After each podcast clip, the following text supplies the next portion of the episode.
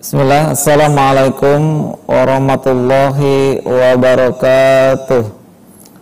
Alhamdulillahi rabbil alamin. Wassalatu wassalamu ala rasulillah Muhammadin wa ala alihi wa sahbihi azmain amabad Ikhwani wa ahwati fillah azani Allah wa iyakum Marilah kita panjatkan puji syukur kita karena Allah subhanahu wa ta'ala yang telah memberikan kita berbagai macam nikmat, terutama nikmat iman, nikmat Islam, nikmat sehat, dan nikmat waktu luang. Salawat serta salam marilah kita curahkan kepada Rasulullah Sallallahu Alaihi Wasallam beserta keluarga, sahabat dan pengikutnya yang setia sampai akhir akhir zaman. Bersama guru kita Al-Ustaz Zainal Abidin LCMM Hafizahullah. Semoga Allah Subhanahu wa taala menjaga beliau dan memberikan beliau keistiqomahan untuk memberikan ilmunya kepada kita semua yang akan membahas uh, kitab Akhlak Wasiar uh, dengan uh, tema langkah cermat memilih sahabat. Kami informasikan kepada seluruh pemirsa dan pendengar dimohon untuk uh, menyaksikan kajian dari awal sampai akhir dan mencatat ilmu yang telah beliau sampaikan. Mudah-mudahan ilmu yang telah beliau sampaikan bermanfaat untuk kehidupan dunia dan akhirat kita dan semoga Allah Subhanahu wa taala memberikan kita kemampuan untuk mengamalkan ilmu yang telah beliau sampaikan. Alhamdulillah guru kita Al-Ustaz Zainal Abidin LCMM Habibullah sudah siap memberikan kajian pada siang hari ini kepada beliau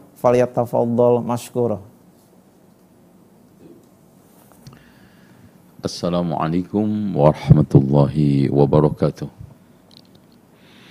إن الحمد لله نحمده ونستعينه ونستغفره ونستهديه ونعوذ بالله من شرور أنفسنا وسيئات أعمالنا من يهده الله فلا مضل له ومن يضلل فلا هادي له أشهد أن لا إله إلا الله وحده لا شريك له وأن محمدا عبده ورسوله اللهم صل وسلم وبارك على محمد وعلى آل محمد كما صليت على إبراهيم وعلى آل إبراهيم إنك حميد مجيد Saudaraku seiman, ikhwani wa akhwati fillah. Wabil khusus para pemirsa IHBS TV dan juga para penggemar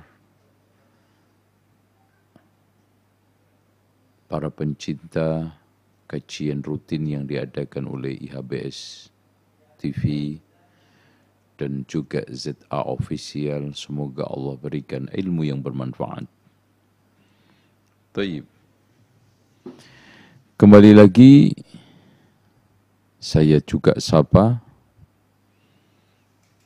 para sivitas akademis IHBS yang mengikuti kajian wajib secara rutin ini Mudah-mudahan tetap menjaga adab.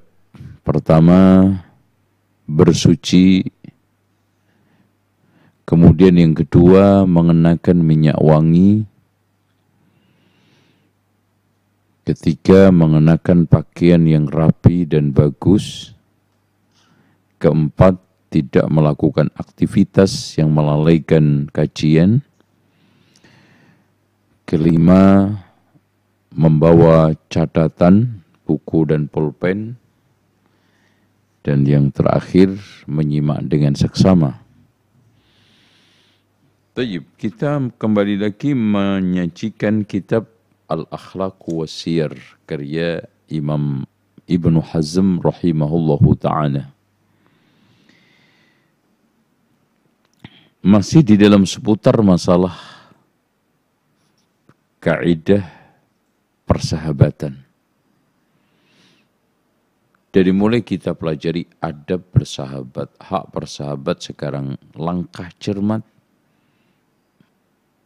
memilih, mencari, berinteraksi juga sekaligus dengan sahabat-sahabat kita. Sampai pada satu poin wa aqsa ghayati sadaqah, satu persahabatan paling tulus alladhi la mazid 'alaiha yang sudah tidak ada pun eh, lebihnya yang tidak ada yang mengunggulinya. Satu satu persahabatan paling tulus, paling bagus adalah man syarakaka bi nafsihi wa malihi li ghairi illatin tujibu dzalika. Ada seorang sahabat yang bisa mengorbankan jiwanya, hartanya, tanpa adanya satu sebab yang mewajibkan murni ketulusan persahabatan dan untuk memaknai persahabatan. Enggak lebih daripada itu. Ya. Jadi kalau ada orang secara tulus mengorbankan jiwanya, mengorbankan pikirannya, tenaganya, hartanya untuk kita tanpa adanya suatu sebab yang melatar belakanginya, tanpa ada semacam intrik-intrik kepentingan duniawi, maka itu adalah sahabat paling jempol. Dengan sukarela meminjamkan motornya, kendaraannya untuk menghantarkan persalinan istri kita. Dengan sukarela meminjamkan rumahnya untuk sementara karena dia rapi-rapi rumah, renovasi rumah, atau yang lainnya.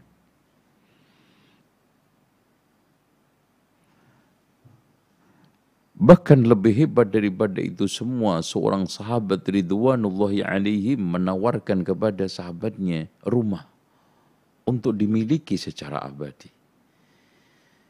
Dia punya istri lebih rela untuk menceraikan kalau memang dia butuh berumah tangga.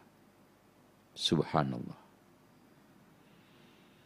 wa atharaka ala man siwak dan bisa mendahulukan kepentingan-kepentinganmu di atas seluruh kepentingan yang lain. Subhanallah. Ini adalah saja sahabat sejati. Ini adalah sahabat yang tulus. Seorang sahabat yang tidak ada pamrih apa-apa mengorbankan hartanya, mengerahkan pikiran tenaganya, memberikan seluruh apa-apa yang dimilikinya kepada sahabatnya. Dan lebih mendahulukan kamu daripada yang lainnya di dalam hal-hal apa pun. Walaula anni syahadtu mudaffaran wa mubaraka kalau saya tidak menyaksikan dua sahabat saya, namanya Mudaffar sama Mubarak, di Valencia, yaitu daerah yang ada di Cordoba, Andalusia. Anna hadzal khalqa ma'dumun fi zamanina. Ini orang langka. Walakinni ma ra'aitu qattu ar-rajulaini istawfaya jami'a asbab sadaqah saya tidak pernah melihat dua sahabat dua ini sahabat yang setia, yang tulus, yang sejati ketimbang dua orang tersebut. Yang mampu memberikan dengan sukarela secara tulus berbagai macam kebutuhan-kebutuhan yang saya perlukan, bantuan-bantuan yang saya butuhkan. Ya, ini Masya Allah. Dan ini jarang sekarang. Jarang kita mendapatkan seorang sahabat seperti ini. Laisa syai'un minal fadail ashbah birradail minal ist, minal istikthari minal ikhwani wal astiqa. Tidak ada sesuatu kebaikan yang mirip dengan keburukan. Loh, kok aneh? ada suatu kebaikan yang mirip dengan keburukan yang hampir-hampir setara kebaikannya dengan dampak keburukannya, kalau bisa kita katakan seperti itu, adalah orang yang memperbanyak teman dan sahabat. Fa inna dzalika fadilatun tamatun mutarakibatun. Memang hebat. Orang yang bisa memiliki sahabat yang banyak. keutamaan yang sempurna, keutamaan yang multi level dan multi manfaat. Mutarakibatun. Li'annahum la yuktasabu la yuktasabuna. Tapi teman-teman yang banyak itu semuanya tidak akan bisa kita ambil hatinya. Kita jadikan sebagai teman-teman sejati, teman karim, teman tulus illa bil hilmi kecuali dengan sikap lapang dada wal judi dan kedermawanan was sabri dan kesabaran wal wafai dan kesetiaan wal istidla'i kita berikan seluruh apa yang dia minta. Dan itu sulit. Makanya tidak ada suatu kebaikan yang hampir mirip keburukannya. Sama. Kecuali memperbanyak sahabat plus minusnya itu sama, untung ruginya itu hampir mirip. Bahkan kita lebih kadang-kadang eh, apa namanya lebih mendapatkan berbagai macam keburukan daripada kebaikan.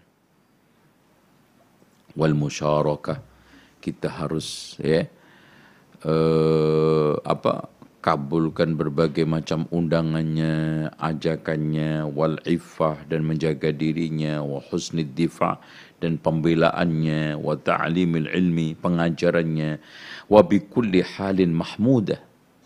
Bahkan kita harus bisa memberikan satu sikap-sikap yang terpuji, apresiasi-apresiasi yang terpuji, dan juga yang tidak kalah pentingnya adalah sikap-sikap interaksi yang terpuji. Dan itu sulit. Kita akan bersikap baik kepada semua orang puluhan bahkan ratusan. Ya, lapang dada semua kepada teman-teman yang jumlahnya ratusan. Dermawan semua, sabar semua, setia semua. Sulit. Artinya, tidak mudah seorang itu memberikan hak-hak persaudaraan, hak-hak persahabatan secara utuh. Makanya betul tidaklah ada satu keutamaan yang keburukannya hampir mirip dengan kebaikannya. Keutamaannya lebih mirip dengan berbagai macam kekurangannya ketimbang orang memperbanyak teman. Walasna na'ni syakiriyah wal adba bukan teman yang sekarang syakiriyah. Itu mah banyak. Masya Allah ini istilah Ibnu Hazm, teman syakiriyah. Yaitu teman yang hanya ngumpul ketika untung, bersama kita ketika ada manfaat, dan merangkul, memeluk, serta memiliki berbagai macam kedekatan ketika kita masih untung, masih mujur, masih kaya, masih banyak manisnya yang bisa dicilat. Itu enggak. Kalau itu mah gampang. Itu namanya teman-teman syakiriyah. Ya. Yaitu teman syakiriyah wal adba ayyam al hurmah. Ya, faulaika lususul ihwan mereka itu adalah teman-teman model pencuri. Yaitu lusus. Ya. Lusus mereka itu adalah teman model pencuri. Wa khabathatul asdiqa satu teman-teman yang buruk.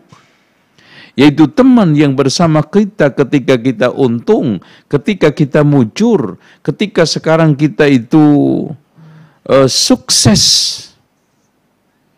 tapi saat kita jatuh, saat kita menderita, saat kita mengalami berbagai macam keterpurukan, mereka lari tunggang langgang.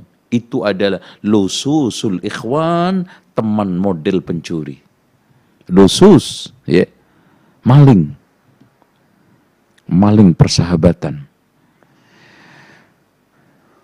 Atau persahabatan maling ya, maaf, persahabatan maling ya.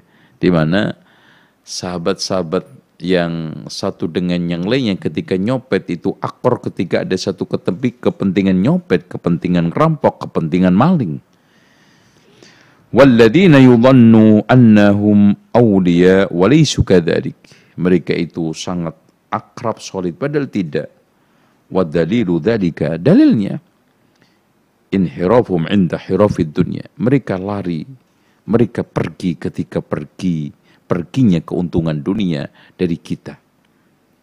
Jadi teman-teman seperti ini datang melimpah, datang berbondong-bondong bersama datangnya harta, kekayaan, keuntungan kita dan pergi bersama perginya dunia keuntungan kita Bahkan mereka bisa saja bersorak-sorai ketika kita terpuruk, ketika kita terhina, ketika kita sekarang nista. Wala na'ni aidan al-musaddiqina li ba'dil atma. Bukan juga teman yang saya maksud di sini adalah teman-teman yang hanya tamak terhadap kepentingan-kepentingan sesaat walal mutanadimina alal khamri wal mustami'ina alal ma'asi wal qaba'ih atau mereka yang bers, eh, bersatu bersama akor di atas kemaksiatan. Bukan itu. Walakin idza ahsayta uyubal ikthithari minhum wa su'ubatal hal fi irdaihim wal gharar fi musyarakatihim wa ma yulzimuka minal haqqi lahum inda nakbatin ta'ridu ta'ridu lahum fa in ghadarta bihim aw aslam aslamtahum laumta wa dhumimta ini. Jadi kalau sekarang kamu ingin tahu secara persis dampak-dampak buruk aibnya sahabat yang banyak adalah sulitnya kita untuk menyenangkan mereka semua. Tuh, ya. Menseragamkan hati mereka, ya jadi di situ itu sudah suatu fakta betapa sulitnya kita itu memiliki teman yang banyak di mana kita sulit untuk menyenangkan hati mereka. Ya. Dan juga yang tidak kalah pentingnya adalah al-gharar. Ya. Berbagai macam dampak negatif ya, kumpul-kumpul bersama mereka. Yang kadang gibah, yang kadang kasak kusuk, yang kadang-kadang guyonannya, celetukannya itu tidak sesuai dengan adab Islam. Apalagi di sana ada hak-hak yang kadang-kadang dituntut. Kenapa kamu tidak hadir undangan saya? Kenapa kamu tidak datang walimah saya? Kenapa kamu tidak datang ulang tahun saya? Ayo, lebih perah lagi. Kan gitu. Kita hadirin repot, tidak kita hadirin repot. Kita hadirin undangan-undangan tersebut kadang-kadang tidak syar'i. Akhirnya kita terjebur ke dalam pelanggaran dan murka Allah. Kita tidak datangin kita akan dicela, akan diserang, dan akan diberikan berbagai macam umpatan, celaan, dan juga, maaf, kritikan-kritikan tajam yang menyakitkan hati. Omongan-omongan miring yang membuat panas telinga kita.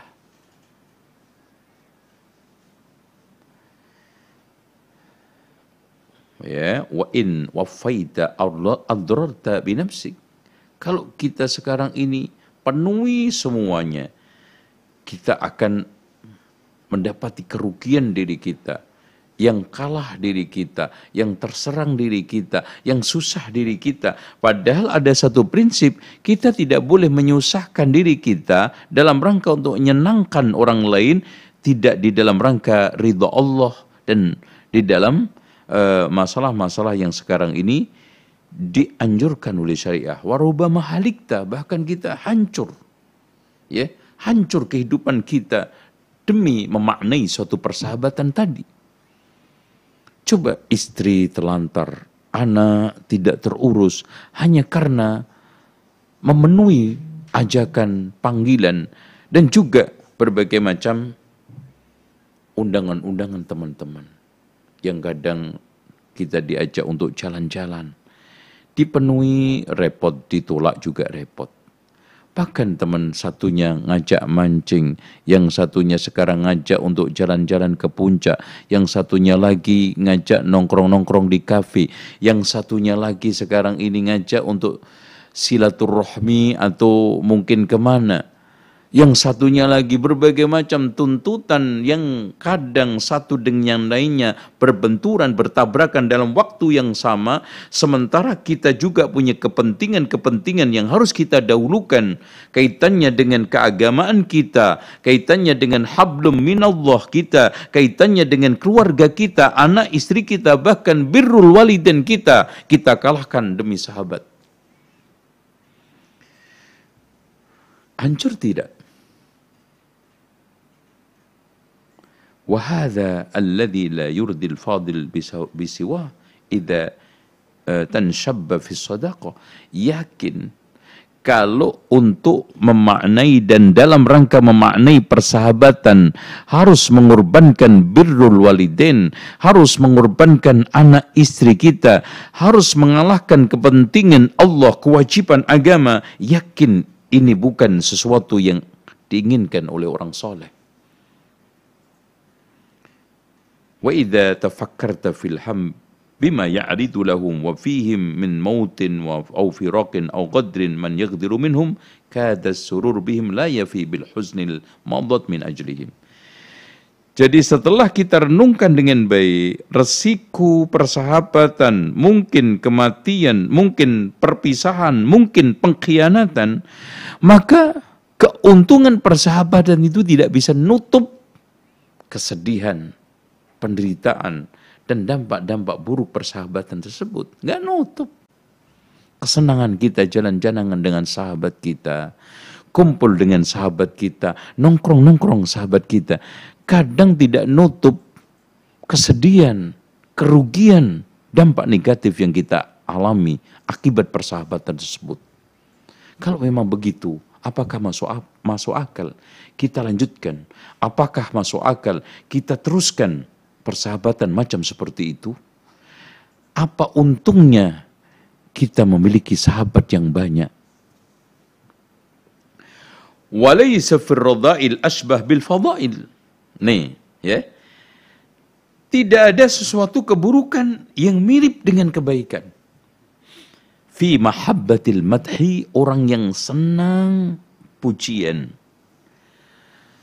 jadi nampak itu suatu kebaikan, tapi sebetulnya adalah keburukan, ya, ya, kotor.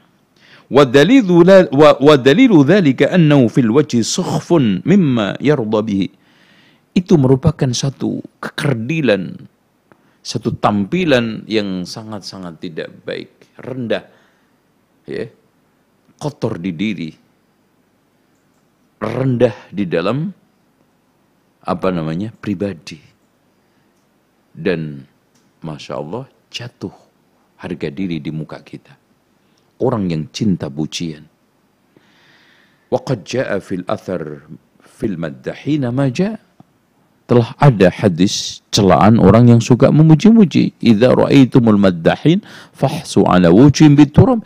Jika kamu melihat orang-orang yang suka muji-muji, maka lempar mukanya dengan tanah illa annahu qad yuntafa' bihi bisa saja dalam hal-hal sisi-sisi tertentu ada manfaatnya ya.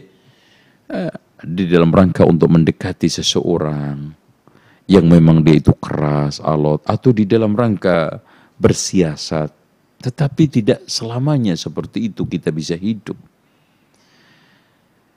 Ba'du anwa'in nasihah yashkulu tamyizu minan namimah.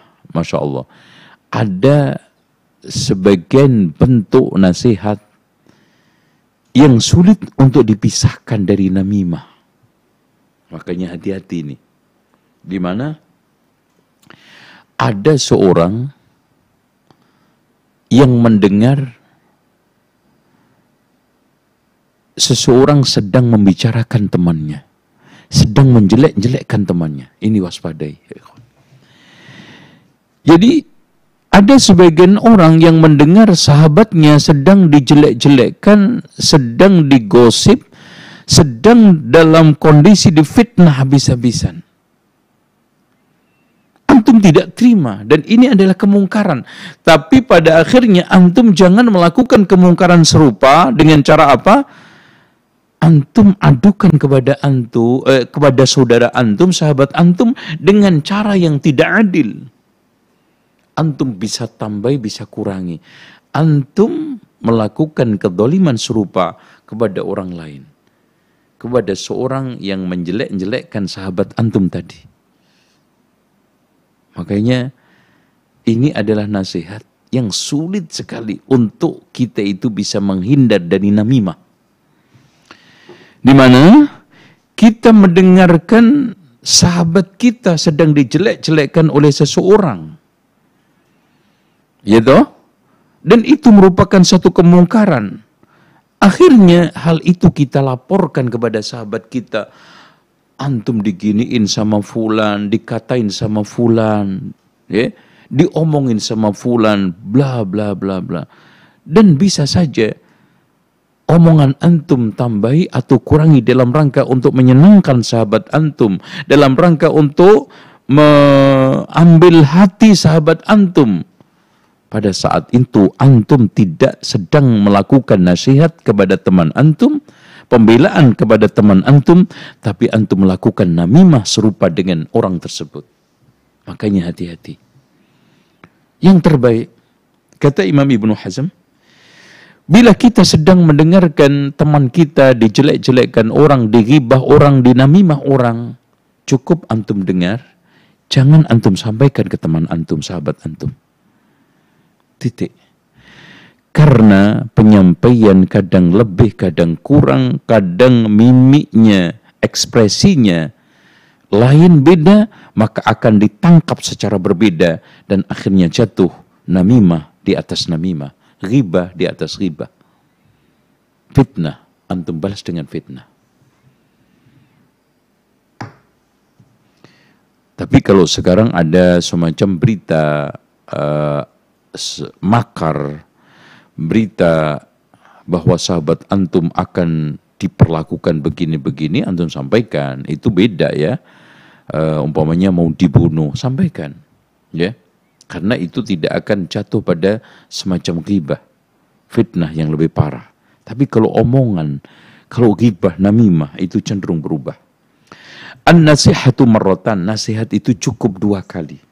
Fal'ula fardun wa diyanatun. Yang pertama adalah kewajiban dan itu bagian daripada perintah agama. Wathaniyatu tamhiyun wa tadhkirun. Yang kedua adalah apa? Peringatan dan juga teguran. Wa amma thalithatu fataubikhun wa taqri'un. Lebih daripada itu adalah menjelek-jelekkan. Bukan nasihat, bukan teguran, tapi celaan. Oleh karena itu, ikhwah sekalian, ketika kita ingin menasihati saudara kita, sahabat kita, cukup sekali dua kali. Pertama sebagai tanggung jawab agama, kedua sebagai teguran. Lebih daripada itu dia tidak mendengar, maka cukup karena ketiganya bukan lagi teguran, tapi tamparan.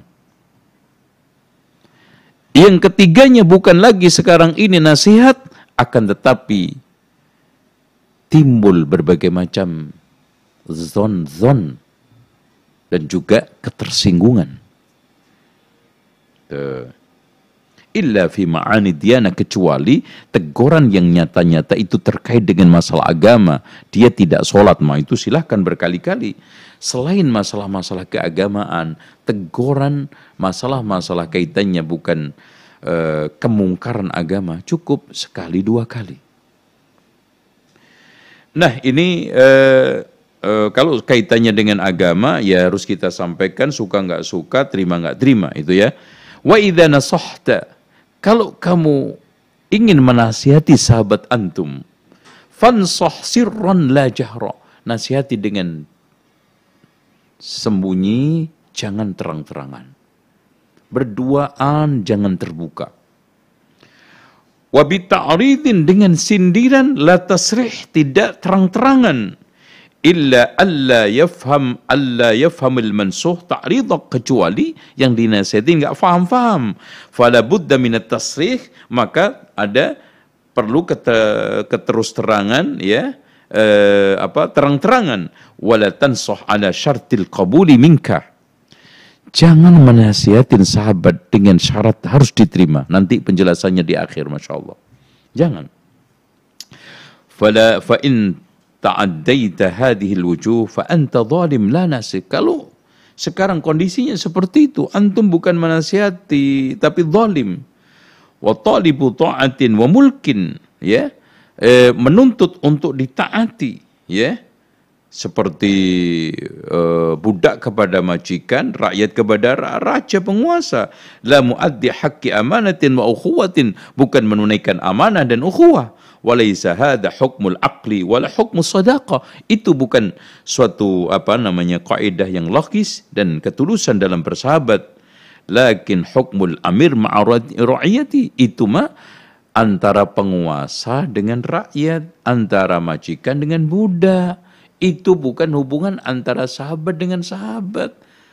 Nasihat harus diterima. Kalau nggak diterima marah-marah. Itu bukan persahabatan.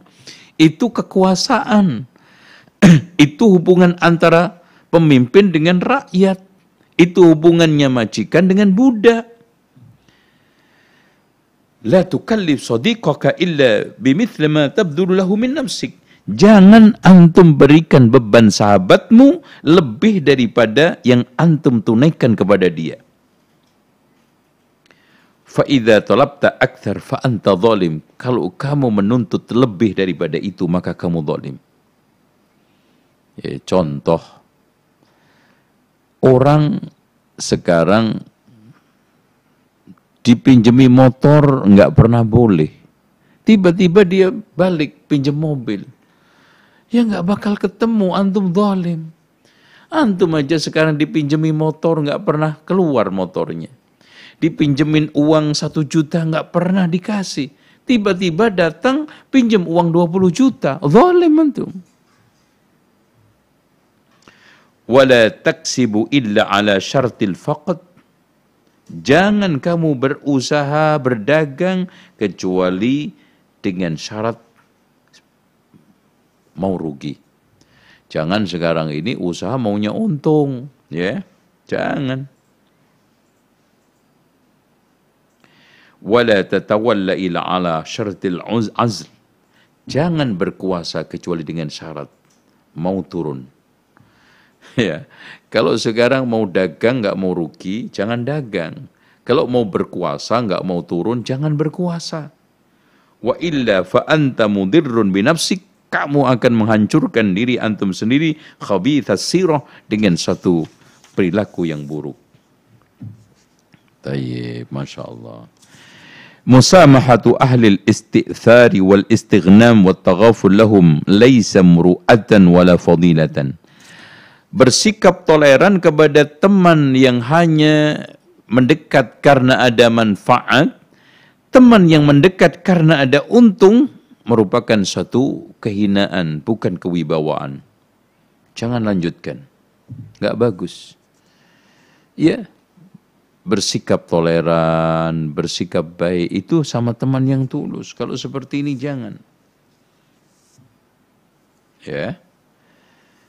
Apalagi eh, kalau hanya sekedar mencari eh, kasak kusu dekat hanya ingin mencari sisi melik kata orang Jawa dekat di dalam rangka untuk cari berita-berita aneh ya, jangan itu jangan kasih toler, toler, toleran itu jangan ditolerir orang yang mendekat antum hanya ingin mencari celah teman antum yang lain jangan antum kasih tolerir orang yang mendekat antum ngaku-ngaku jadi sahabat hanya untuk kepentingan sesaat, untuk kepentingan dunia.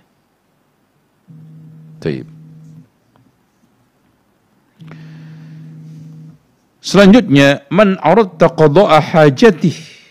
Siapa yang ingin menunaikan hajat kebutuhannya, ba'da an sa'alaka iya, au aradta ibtida'u bi qada'iha, fala ta'mal lahu illa ma yuridu huwa. Jika kamu ingin memenuhi kebutuhan teman antum, hajat kebutuhan teman antum, maka jangan antum sesuaikan dengan keinginan antum, tetapi sesuaikan dengan keinginan dia. Ya. la ma turid anta wa illa fa amsik fa in ta'addaita hadha kunta musian la muhsin. Jadi kalau kita itu memberi dengan dasar kemauan kita, kebutuhan kita, bukan dasar kebutuhan dia, antum bukan ingin berbuat baik, tapi berbuat jelek. Ya. Antum bukan di dalam rangka ingin memberikan suatu hal yang uh, perlu diucapkan terima kasih, tapi memaksa orang, bahkan bisa menimbulkan permusuhan bukan ketulusan. La tangkul ila sadiqika ma yu'limu nafsahu. Jangan sekali-kali menyampaikan satu berita yang membuat sedih teman antum apa pun alasannya. Ini kaidah persahabatan. La tangkul ila sadiqika ma, ma yu'limu nafsah. Jangan sekali-kali menyampaikan satu berita, menyampaikan satu kabar kepada teman antum yang itu akan menyedihkan, membuat dia itu sedih, membuat dia itu sengsara, makin sengsara. Wala yantafi bima'rifati dan berita itu tidak bermanfaat untuk diketahui. Sedih iya, murung iya, duka iya. Untuk apa antum sampaikan? Jadi jangan sekali-kali menyampaikan satu berita, satu kabar yang menambah kesedihan dia, keterpurukan dia, kehancuran dia. Manfaat tidak. Fahada fi'lul ardal ini adalah perbuatan orang-orang hina. Tapi wala taktumhu ma yastadirru bijahlihi. Jangan sekali-kali juga antum sembunyikan suatu berita yang wajib dia ketahui kalau dia tidak tahu maka dia akan mendapatkan bahaya. Jadi segera. Jadi kalau berita ini ketidaktahuan dia itu akan menghadapi bahaya, akan menghadapi satu kerugian. Contoh, Mas, Ana dapat informasi dari kantor saya perusahaan antum akan ditutup kalau antum nggak selesaikan tanggungan ini. Wah penting itu antum sampaikan. Itu. Karena ketidaktahuan berita ini akan menghancurkan usaha dia. Atau dia mendapatkan satu berita, ya, awal perselingkuhan pasangannya. Ya. Mumpung belum terlanjur, mumpung belum jauh.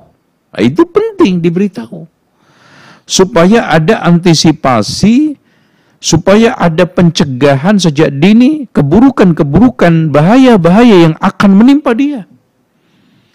Tapi kalau sekarang ini berita, kasus, masalah-masalah yang tidak bermanfaat untuk disampaikan, bahkan ketika dia mendengarnya, menambah terpuruknya hidup dia, menambah tinggi besarnya masalah yang dihadapi, sedih dukanya makin dalam, jangan. Fahada fi'lu ahli syar. Ya, ini adalah perbuatan orang jahat, orang orang uh, buruk, ya. Yaitu apa? Menyembunyikan berita yang itu kalau disampaikan menguntungkan temannya, sahabatnya, dan kalau tidak tersampaikan maka akan merugikan temannya. Ya, disembunyikan, dikip itu adalah orang jahat. Jadi intinya menyampaikan berita masalah yang nggak perlu, nggak bermanfaat, malah itu menambah keterpurukan sahabat kita, menambah penderitaan sahabat kita, maka itu perbuatan orang-orang hina. Tapi tidak menyampaikan berita penting, masalah penting, urusan penting ke sahabat kita, ketidaktahuannya akan menghancurkan kehidupan dia, akan mendapatkan kerugian dan akan mendapatkan bahaya. Ini adalah sikap teman yang jahat wala yasurruka antum tahabi bima laysa fik. Jangan sekali-kali antum gembira dipuji oleh seseorang yang itu tidak ada dalam diri antum. Bal ya'dhum hammuka bidzalik. Bahkan antum harus sedih dengan pujian itu. Kenapa? Karena sesuatu yang dipuji tidak ada pada diri saya. Dipuji-puji Masya Allah, antum hafal Al-Quran 30 juz. Ternyata cuma juz 30. Untuk apa antum bangga? Untuk apa antum cingkrak-cingkrak? Bahkan antum harus sedih dengan pujian itu. Li'annahu naqsuka yunabbihun nasu Karena itu adalah peringatan akan kekurangan antum. Dalam bentuk pujian yang kosong bohong. Wa yasma'ahum iyah sukhriyatan minka. Pujian tersebut sebetulnya sejatinya adalah ledekan buat antum. Tapi dalam bentuk pujian. Wah, haz'un bika. Dan ini adalah olokan ya cibiran buat antum dalam bentuk kalimat pujian. Akli tidaklah ada orang yang suka pujian seperti ini, artinya dipuji-puji sementara hal itu tidak ada pada dirinya kecuali orang pandir lagi lemah akalnya. Wala tayas, wala ta'sa indumimta bima laysa Jangan antum sedih karena antum dicela, diolok-olok dengan sesuatu yang tidak ada pada diri antum. Bal ifrah bihi. Bahkan antum harus gembira. Fa innahu fadluka yunabbahu an-nasu alih. Karena itu keutamaan yang diingatkan kepadamu dari manusia. Dalam bentuk cacian. Tenang aja. Antum dicaci dasar lo. Orang udah nggak punya pelit macam-macam. Ya memang saya nggak punya. Saya pelit. Kan diingatkan orang untuk supaya nggak pelit, supaya dermawan. Supaya lebih giat lagi usaha, supaya punya. Walakin ifrah idza kana fika ma tastahiqu bil mat. Bahkan antum harus senang bila pujian itu memang antum berhak. Ber, berhak. Wasaun mudihta bihi aw lam tumdah. Dipuji nggak dipuji? Alhamdulillah wahzan idza kana fika ma tastahqu yang perlu antum sedih kalau antum sekarang dicela orang yang celaan itu ada memang betul-betul pada diri antum. Antum dikatain bakhil karena memang betul bakhil. Antum sekarang dikatai sombong karena memang sombong. Antum dikatai sekarang ujub karena memang suka bangga diri. Itu yang antum harus sedih. Oh oke, okay. Masya Allah. Ini uh, suatu hal yang Masya Allah. Ini Anda sampaikan. Wadukhulu rajulin mutasattirin fi manzilil mar'i dalilu su. Orang yang menyelinap ke rumah orang lain secara diam-diam adalah dalil orang itu adalah buruk. La yahtaju ila ghairihi. Wa dukhulil mar'ati fi manzili rajulin ala sabili tasattur. Ya. Masuknya perempuan ke rumah laki-laki meskipun dia dalam keadaan tertutup sama saja.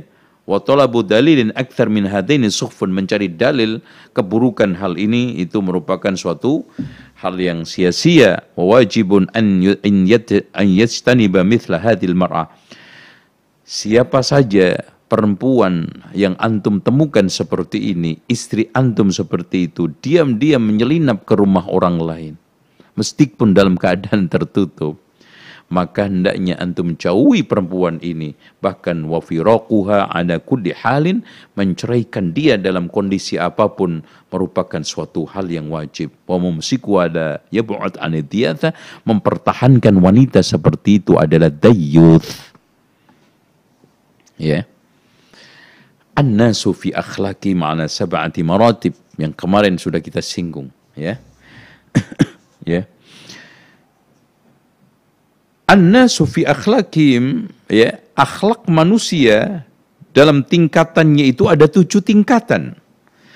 Fata'ifatun tamdahu fil wajhi wa tadhummu fil maghib. Ada sekelompok orang yang suka muji-muji di depan kita tapi mencela di belakang kita. Wahadihi sifatu ahli nifaq minal ayyabin. Ini adalah sifat ahli mun orang-orang munafik yang tukang mencela. Wahada khulukun fashin finnas ini akhlak yang sangat menyebar di kalangan manusia.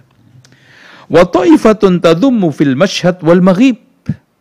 Ada sebagian kelompok manusia yang tukang mencela di depan kita, di belakang kita.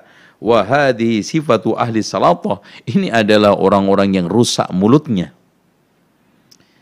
Wa ta'ifatun tamdahu fil wajhi wal ghaib ada sekelompok orang yang memuji di depan kita, memuji di belakang kita. Wahadi sifatul malak wa tama' ini adalah penjilat dan orang yang tamak terhadap suatu kepentingan dunia. Wa ta'ifatun tadummu fil mashhad wa tamdahu fil maghib. Ada sekelompok orang yang mencela di depan kita, memuji-muji di belakang kita.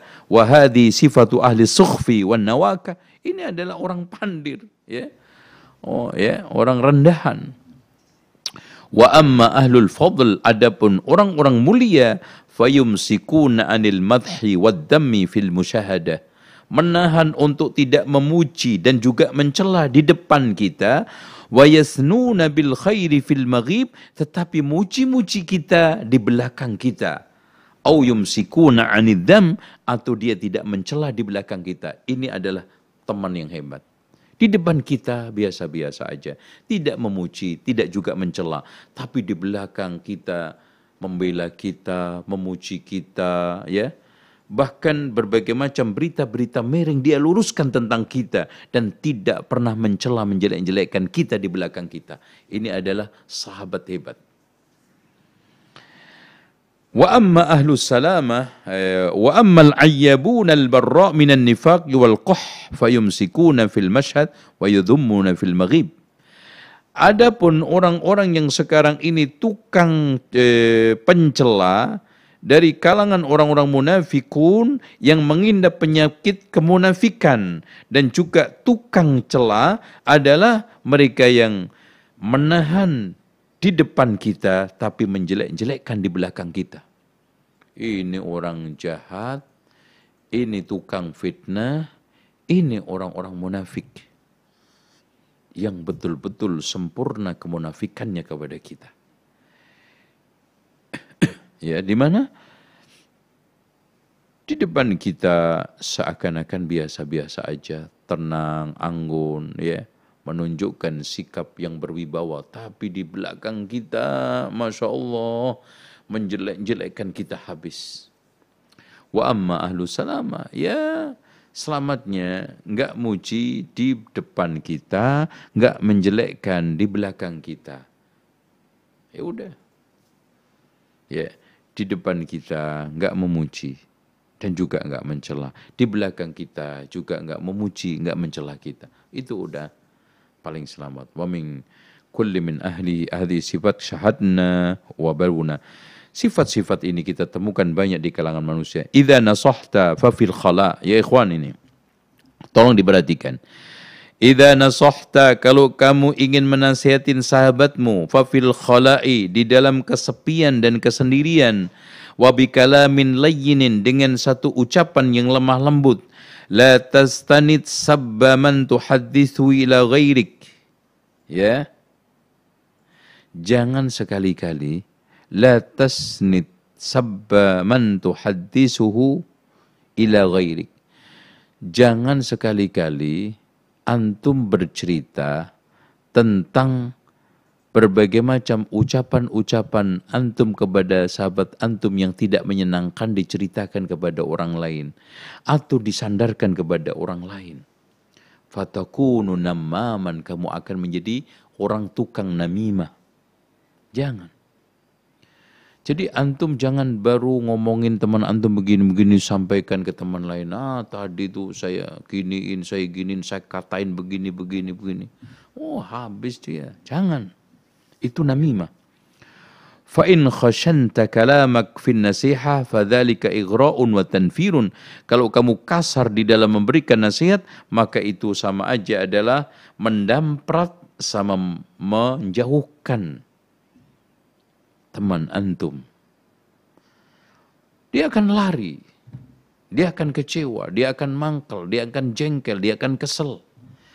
Jadi ketika antum sekarang kasar di dalam memberikan nasihat, itu sama aja antum sedang menjauhkan dia, mengusir dia, mendampar dia, dan sedang dalam keadaan mencoba untuk merenggangkan dia dari antum. وقد قال الله تعالى فقول له قولا لينا أجابك لمه لمبت وقال رسول الله صلى الله عليه وسلم لا تنفروا jangan kamu bikin رنغان فإذا نصحت بشرط القبول منك فأنت ظالم. نيا إخوان jika kamu memberi nasihat sahabatmu dengan شرط harus تتريما فأنت ظالم kamu sedang ملاكوكا kezaliman kenapa ولعلك مخطئ في وجه نسحك, نسحك. Bisa saja antum salah di dalam menasihatinya. Kalau antum memberikan syarat harus diterima berarti antum sedang memaksakan kesalahan antum pada teman antum. Dan itu adalah zalim. Jadi kenapa sekarang ya ikhwan kita tidak boleh memberi nasihat dengan syarat diterima. Bisa saja nasihat saya salah. Kalau dengan syarat harus diterima berarti Anda sedang memaksakan kesalahan, kekeliruan pada sahabat antum. Dan memaksa sahabat antum untuk meninggalkan kebenaran, menerima kesalahan. Dan itu adalah kezoliman di atas kezoliman, kesalahan di atas kesalahan yang berikutnya. Likulli syai'in faidatun dan seterusnya. Setelah segala sesuatu itu ada faedah. Laqad intafa'tu bimahki ahli jahli manfaatan azimatan. Saya itu banyak mendapatkan faedah dan juga manfaat dari kunjingan dan omongan orang-orang bodoh, ya. Fa ya annu tawaqqadha tab'i. Jadi dengan berbagai macam omongan celetukan ya eh, orang-orang baik di dunia offline online itu membuat watak saya itu, tabiat saya itu menjadi bersinar. Wahtada khatiri, pikiran saya menjadi ter ini uh, benak saya itu menjadi kuat. Wahama fikri dan pikiran saya itu menjadi hebat. Wadahiyya janasati dan semangat saya itu makin menyala-nyala. Wa kana dzalika sababan ila dan itu ternyata menjadi sebab saya memiliki tulisan yang sangat berharga dan banyak. Akibat itu semuanya alimatul manfaat. Terakhir, terakhir, la tusahir ila sadiqin wa la tubayi'uhu. Ini penting ya ikhwan. ya terakhir. Jangan besanan dengan sahabat karib antum. Jangan melakukan kongsi dagang usaha dengan sahabat karib antum penting kan? Antum mengira wah ini sahabat karib saya dari SMP udah lebih baik besanan ini enak. Wah ini ini kan sahabat eh, saya setia amanah bagus ya. maaf ya. Bagus ini kalau diajak untuk kongsi. Jawabannya belum tentu ya ikhwan kata Imam Ibnu Hazm فما رأينا هذين العملين إلا سببا للقطيعة ternyata banyak saya temukan dua perkara itu menyebabkan putusnya persahabatan. Tuh. Apa? Besanan sama kongsi dagang usaha. Putus. Wa in dhanna ahlul jahli anna fiha ta'kidan lisilah. Meskipun sebagian orang bodoh menyangka itu sebagai penguat hubungan, persahabatan. Falaisa kadhalik, ternyata tidak. Hadain hadainil aqdaini da'iyani kulli wahidin ila talabi haddi nafsi. Karena dua hal itu menuntut keuntungan satu dengan yang lainnya wal mu'thiruna ala anfusihim qalilu jiddan. Orang yang bisa mengalah itu sedikit. Fa idza ijtama'a talabu kulli imri'in haddahu waqa'atil munaza'ah. Kalau sekarang sudah ada perebutan keuntungan dunia, maka dari situ muncul pertikaian, muncul persisian. Wa wa, ma'awuqu'iha fasadul muru'ah. Di situ akan terjadi apa? Rusaknya muru'ah, kewibawaan persahabatan, marwah persahabatan itu hancur. Rusak. wa aslamul musaharah maghibbatan ya besanan yang paling aman itu adalah musaharatul ahlina ba'duhum ba'dha yaitu apa namanya besanan dengan kerabat atau besanan dengan orang-orang yang punya hubungan kerabat, karib kerabat. Yang tidak ada punya hubungan mahram ya jelasnya. Ini ini usulan Ibnu Hazm ya li'annal qarabata taqdil adl karena karib kerabat, family ya eh, ini ada unsur-unsur untuk mempertahankan keadilan. Wa in karihu meskipun nggak suka, kecenderungan adil itu ada. Li'annahu mudmiruna ila ma lan minhu. Karena dia mau nggak mau harus menjaga silaturahmi, menjaga ukhuwah, menjaga hubungan. Minal istima' fi nasab. Karena ada kesatuan nasab. Alladzi tujibu tabi'ah likuli ahadi dzab anhu. Karena adanya satu keturunan, satu nasab, maka di sana ada dorongan untuk saling melindungi, saling membela, saling menjaga. Dari situlah besanan dengan karib kerabat itu lebih diutamakan dari teman karib, sahabat karib. Wallahu a'lam bisawab. Ikhwani wa akhwati fillah azan ya Allah wa yakum. Telah kita simak dan dengarkan bersama ilmu yang telah disampaikan oleh guru kita Al-Ustaz Zainal Abidin LCMM Hafizullah. Mudah-mudahan ilmu yang telah beliau sampaikan bermanfaat untuk kehidupan dunia dan akhirat kita dan semoga Allah Subhanahu wa taala memberikan kita kemampuan untuk mengamalkan ilmu yang telah beliau sampaikan. Kami ucapkan uh, jazakallahu khairan barakallahu fikum kepada Ustaz Zainal Abidin LCMM yang telah memberikan ilmunya kepada kita semua. Kami beri kesempatan kepada guru kita Al Ustaz Zainal Abidin Al CMM Hafizahullah untuk memberikan kesimpulan kajian pada hari ini. Taib, uh, tuntaslah pembahasan kita tentang persahabatan. Kita mulai dari hak-hak bersahabat, kemudian uh, adab-adab sahabat, kemudian hak-hak sahabat, kemudian langkah cermat cerdik untuk memilih dan berinteraksi dengan sahabat kita. Mudah-mudahan kita bisa memaknai persahabatan dengan makna yang utuh, dengan makna yang sakral, dengan makna ibadah kepada Allah. Dan semoga kita mendapatkan sahabat yang menghantarkan kita ke surga, ketemu di surga. Dan bila kita tidak masuk surga, dia akan bertanya, ke mana sahabatku ini? Yaitu sahabat karena Allah. Sahabat demi memaknai kemuliaan, kebenaran, dan kebaikan. Itulah sahabat yang insya Allah menghantarkan kepada ridha Allah, surga. Dan kita akan berada di naungan Allah. Rajulani tahaba fillah ishtama'ani wa tafarraqa'ani. Dua, dua orang tidak harus bersepuluh seratus. Dua orang yang berkasih sayang karena Allah. Kumpul karena Allah. Pisah juga karena Allah. Demikian kita akhiri dengan doa kafaratul majlis. Subhanakallahumma wa bihamdika. Asyadu an la ilaha illa anta astaghfiruka wa atubu ilaik.